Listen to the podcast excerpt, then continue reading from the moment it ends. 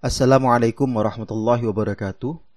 Innal hamdalillah nahmaduhu wa nasta'inuhu wa nastaghfiruh wa na'udzu billahi min syururi anfusina wa min sayyiati a'malina may yahdihillahu fala mudhillalah wa may yudlilhu fala hadiyalah. Ashhadu an la ilaha illallah wahdahu la syarikalah wa ashhadu anna Muhammadan abduhu wa rasuluh la nabiyya ba'dah. Allahumma shalli ala Muhammad wa ala ali Muhammad amma ba'du. Pendengar yang dirahmati oleh Allah Subhanahu wa taala, alhamdulillah pada kesempatan yang mulia ini di bulan Ramadan ini mudah-mudahan kita senantiasa mendapatkan limpahan keberkahan dan kita semua bisa mendapatkan predikat takwa. Pada kesempatan kali ini akan disampaikan buletin kafah, buletin tiap Jumat dan bertepatan pada tanggal 15 Ramadan 1441 Hijriah 8 Mei 2020 ini merupakan edisi yang ke-140 Bismillahirrahmanirrahim. Kita akan mengangkat tema tentang membumikan Al-Quran. Al-Quran adalah mukjizat Nabi Muhammad Sallallahu Alaihi Wasallam yang paling istimewa. Kemukjizatan Al-Quran tidak terbatas oleh ruang dan waktu, berbeda dengan mukjizat para rasul lainnya mukjizat mereka berlaku hanya saat mereka hidup. Mukjizat Nabi Musa alaihissalam dalam membelah lautan misalnya, hanya terjadi dan disaksikan oleh orang-orang yang hidup pada zamannya. Adapun kemukjizatan Al-Quran berlaku hingga saat ini meski Rasulullah Shallallahu Alaihi Wasallam sebagai pembawanya telah lama wafat. Allah Subhanahu Wa Taala berfirman dalam surat Al-Hijr ayat 9, A'udzu billahi minasyaitonir rajim. Bismillahirrahmanirrahim. Inna nahnu nazzalna dzikra wa inna lahu lahafizun. Sungguh kamilah yang telah menurunkan Al-Qur'an. Sungguh kami pula yang menjadi penjaganya. Mengomentari ayat di atas, Syekh Wahbah Az-Zuhaili menyatakan, kalimat sungguh kami pula yang menjadi penjaganya, yakni dari kepunahan, penambahan dan pengurangan. Al-Quran adalah hujah kami atas para makhluk hingga hari kiamat. Kami menurunkan az-zikra atau Al-Quran sebagai petunjuk, rahmat, obat, dan cahaya. Lihat Az-Zuhaili pada tafsir Al-Wajiz surat Al-Hijr ayat 9. Wajib selalu berinteraksi dengan Al-Quran. Interaksi dengan Al-Quran wajib dilakukan jika kita berharap selalu berada di jalan yang lurus Sejarah mencatat kejayaan umat Islam berbanding lurus dengan tingkat interaksi mereka dengan Al-Quran. Jika interaksi umat Islam dengan Al-Quran tinggi, maka kejayaan, kesuksesan, dan kebahagiaan di dunia dan akhirat sudah pasti menjadi milik mereka. Sebaliknya, jika mereka jauh dari Al-Quran, maka kesedihan, kekhawatiran, dan kesengsaraan sudah pasti akan menimpa mereka di dunia maupun di akhirat. As-Sa'di dalam kitab Taisir Karim Ar-Rahman fi Tafsir Kalam Al-Mannan jilid 1 halaman 50. Nabi Muhammad Shallallahu alaihi wasallam pernah mengingatkan bahwa membaca Al-Qur'an adalah cara paling mudah untuk meraih cinta Allah Subhanahu wa taala. Sabda beliau, siapa saja yang mengharapkan cinta Allah dan Rasulnya hendaklah membaca Al-Quran. Hadis riwayat Ibnu Adi, Abu Nuaim, dan Al-Baihaqi. Bahkan Abdullah bin Mas'ud radhiyallahu an berkata, siapa saja yang mencintai Al-Quran akan mencintai Allah dan Rasulnya. Hadis riwayat At-Tabarani. Bukti terbesar cinta seseorang pada Al-Quran adalah dengan berusaha memahami, merenungi, dan memikirkan makna-maknanya. Sebaliknya, bukti kelemahan cinta seseorang pada Al-Quran adalah berpaling dari Al-Quran dan tidak merenungi maknanya. Imam Al-Qurtubi mengatakan, mentadaburi Al-Quran adalah wajib. Dengan jalan tadaburlah diketahui makna-makna Al-Quran yang sesungguhnya. Al-Qurtubi dalam kitab Jami Ahkam Al-Quran jilid 5 halaman 290. Allah subhanahu wa ta'ala telah dengan gamblang menjelaskan bahwa Al-Quran adalah petunjuk atau al-huda bagi manusia. Namun, masih saja ada manusia yang mencari jalan selain Al-Quran. Mereka tidak mengacuhkan Al-Quran. Mereka tidak mau mengimani Al-Quran. Mereka merasa terganggu dengan bacaan Al-Quran. Mereka menolak isi dan aturan yang ada di dalam Al-Quran. Mereka dengan berani mengatakan Al-Quran sudah tidak sesuai lagi dengan perkembangan zaman. Bahkan mereka berani mengatakan bahwa Al-Quran mengekang kebebasan hak asasi manusia. Tindakan mereka jelas merupakan tindakan yang lancang kepada Allah Subhanahu wa taala dan rasulnya. Dosa besar mencampakkan Al-Qur'an. Perilaku mencampakkan Al-Qur'an atau hajr Al-Qur'an adalah dosa besar. Allah Subhanahu wa taala mencela orang-orang yang berperilaku demikian. Banyak perilaku yang termasuk hajar Al-Quran atau mencampakkan Al-Quran. Tidak meyakini kebenaran Al-Quran, tidak mau mendengarkan dan tidak memperhatikan Al-Quran, mengimani Al-Quran tetapi tidak mau mempelajarinya, mempelajari kandungan Al-Quran tetapi jarang sekali membacanya, sering membaca Al-Quran tetapi tidak mentadaburinya, kadang merenungi makna dan memahami ayat-ayat Al-Quran, tetapi enggan mengamalkannya. Tidak menghalalkan apa yang telah dihalalkan Al-Quran, tidak mengharamkan apa yang diharamkan Al-Quran, tidak menjadikan Al-Quran sebagai sumber aturan dan hukum untuk mengatur kehidupan, mencari ketenangan dan penyelesaian masalah bukan dari Al-Quran. Semua itu adalah perilaku hajru Al-Quran atau mencampakkan Al-Quran. Al-Hafiz Ibnu Katsir mengatakan bahwa Allah Subhanahu wa taala telah mengabarkan tentang keluhan Rasulnya atas perilaku kaumnya. Dalam surat Al-Furqan ayat 30, A'udzu billahi. Bismillahirrahmanirrahim.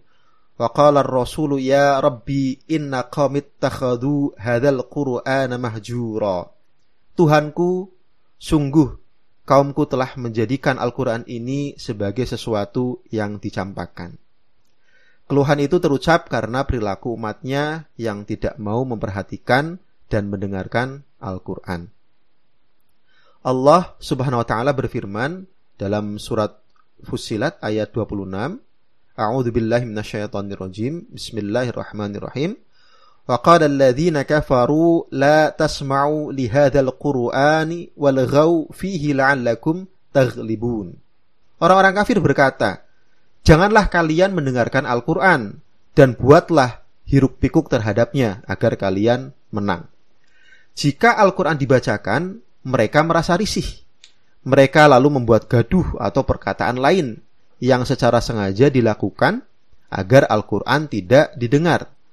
Perbuatan ini termasuk dalam kategori hajrul Quran atau mencampakkan Al-Quran. Demikian pula, tidak mengamalkan Al-Quran, tidak melaksanakan perintah-perintah Al-Quran, tidak menjauhi larangan-larangan Al-Quran, berpaling dari Al-Quran ke hal lain, seperti lebih senang dan tenang mendengar dan melantunkan syair, musik, lagu atau nyanyian selain Al-Quran, sibuk mempelajari perkataan, permainan, pembicaraan, atau tuntunan yang diambil dari selain Al-Quran. Semua itu, menurut Ibnu Kathir, termasuk perilaku mencampakkan Al-Quran. Bisa dilihat dalam uh, Ibnu Kathir, kitab Tafsir Al-Quran Al-Azim, jilid 6 halaman 108. Ibnu Qayyim Al-Jauziyah pun menyebutkan sejumlah perilaku hajir Al-Quran atau mencampakkan Al-Quran.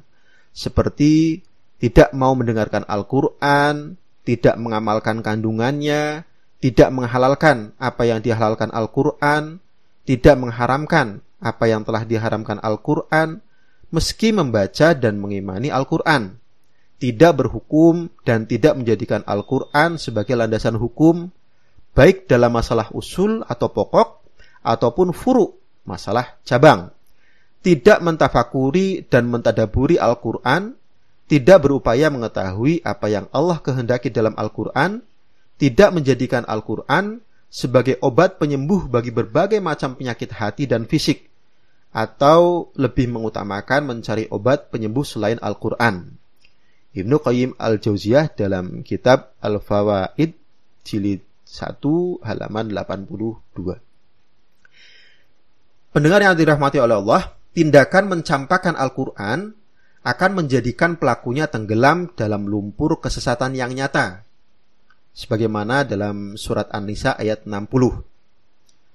Dadanya terasa sempit dan sesak meskipun dia memiliki harta dan yang yang berlimpah. Dalam surat Al-An'am ayat 125. Dia terkekang dalam kehidupan yang sempit, lagi sulit, dan kelak akan dibangkitkan pada hari kiamat dalam keadaan buta. Quran Surat Toha ayat 124. Mata hatinya buta sehingga tidak memahami kebenaran. Surat Al-Hajj ayat 46. Hatinya bertambah keras sehingga tidak terkesan saat mendengar ancaman ataupun kabar yang baik. Surat Al-Hadid ayat 16. Tindakannya zalim lagi hina. Surat As-Sajdah ayat 22. Setan menjadi teman setianya dan selalu menyertai dia dalam setiap gerak-geriknya. Surat Az-Zukhruf ayat 36. Allah menjadikan dia lupa terhadap dirinya sendiri sehingga dia tergolong ke dalam barisan orang-orang fasik. Quran Surat Al-Hasyr ayat 19. Imam Al-Baghawi mengatakan bahwa fasik itu adalah orang yang keluar dari ketaatan dan bermaksiat kepada Allah Subhanahu wa taala.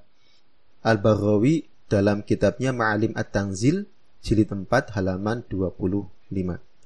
Itulah bahaya dari tindakan mencampakkan Al-Qur'an. Sebaliknya, ada kewajiban untuk mengamalkan Al-Qur'an. Ibnul Qayyim dalam kitab Zad al-Ma'ad berkata, sebagian salafus soleh mengatakan, sesungguhnya Al-Quran diturunkan untuk diamalkan. Karena itu, jadikanlah aktivitas membaca Al-Quran sebagai wujud pengamalannya.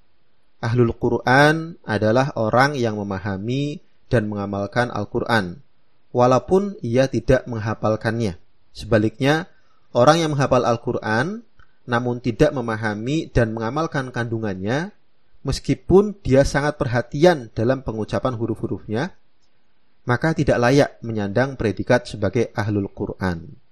Ibnul Qayyim dalam kitab Zad al-Ma'ad jilid 1 halaman 338. Pendengar yang dirahmati Allah, eh, kemudian momentum membumikan Al-Quran. Ramadan adalah bulan Al-Quran karena itu, sejatinya bulan Ramadan dijadikan oleh kaum muslim momentum untuk kembali membumikan Al-Quran. Caranya tentu dengan mengamalkan seluruh isi Al-Quran sekaligus berhukum pada Al-Quran. Jika Ramadan saja bisa mulia karena Al-Quran turun di dalamnya, apalagi manusia. Manusia akan mulia jika semua aktivitas kehidupan mereka diatur dengan hukum-hukum Al-Quran. Karena itu, berhukum pada Al-Quran adalah sebuah keniscayaan. Tidak boleh tidak. Umat Islam secara keseluruhan wajib berhukum pada Al-Quran. Berhukum pada Al-Quran adalah wujud nyata ketakwaan kepada Allah Subhanahu wa Ta'ala. Jika puasa Ramadan benar-benar menghasilkan ketakwaan kepada pelakunya, sejatinya mereka akan berhukum pada Al-Quran. Ketakwaan tentu dengan mengamalkan Al-Quran dan berhukum pada Al-Quran pasti akan menghasilkan rahmat dan keberkahan dari Allah Subhanahu wa taala. Sebagaimana firman Allah dalam surat Al-A'raf ayat 96 A'udzu billahi minasyaitonir rajim Bismillahirrahmanirrahim Walau anna ahlal qura amanu wattaqau lafatahna alaihim barakatim minas sama'i wal ard walakin kadzabu fa akhadnahum bima kanu yaksibun yang artinya Andai penduduk negeri-negeri beriman dan bertakwa, pasti kami akan menurunkan pada mereka keberkahan dari langit dan bumi. Akan tetapi, mereka mendustakan ayat-ayat kami. Karena itu, kami menyiksa mereka karena apa yang mereka perbuat itu. Demikian materi Buletin Kafah edisi yang ke-140 ini tentang e, membumikan Al-Quran. Kita semua berharap mudah-mudahan uh, bisa menjadi hamba-hamba Allah yang senantiasa mencintai Al-Quran, hamba Allah yang senantiasa patuh dan taat terhadap perintah-perintah yang ada dalam Al-Quran, hamba-hamba Allah yang senantiasa menjauhi segala apa yang dilarang dalam Al-Quran. Mudah-mudahan kita termasuk orang yang bisa meraih takwa dan berupaya sebisa mungkin untuk membumikan Al-Quran. Wallahu a'lam bishawab. Assalamualaikum warahmatullahi wabarakatuh.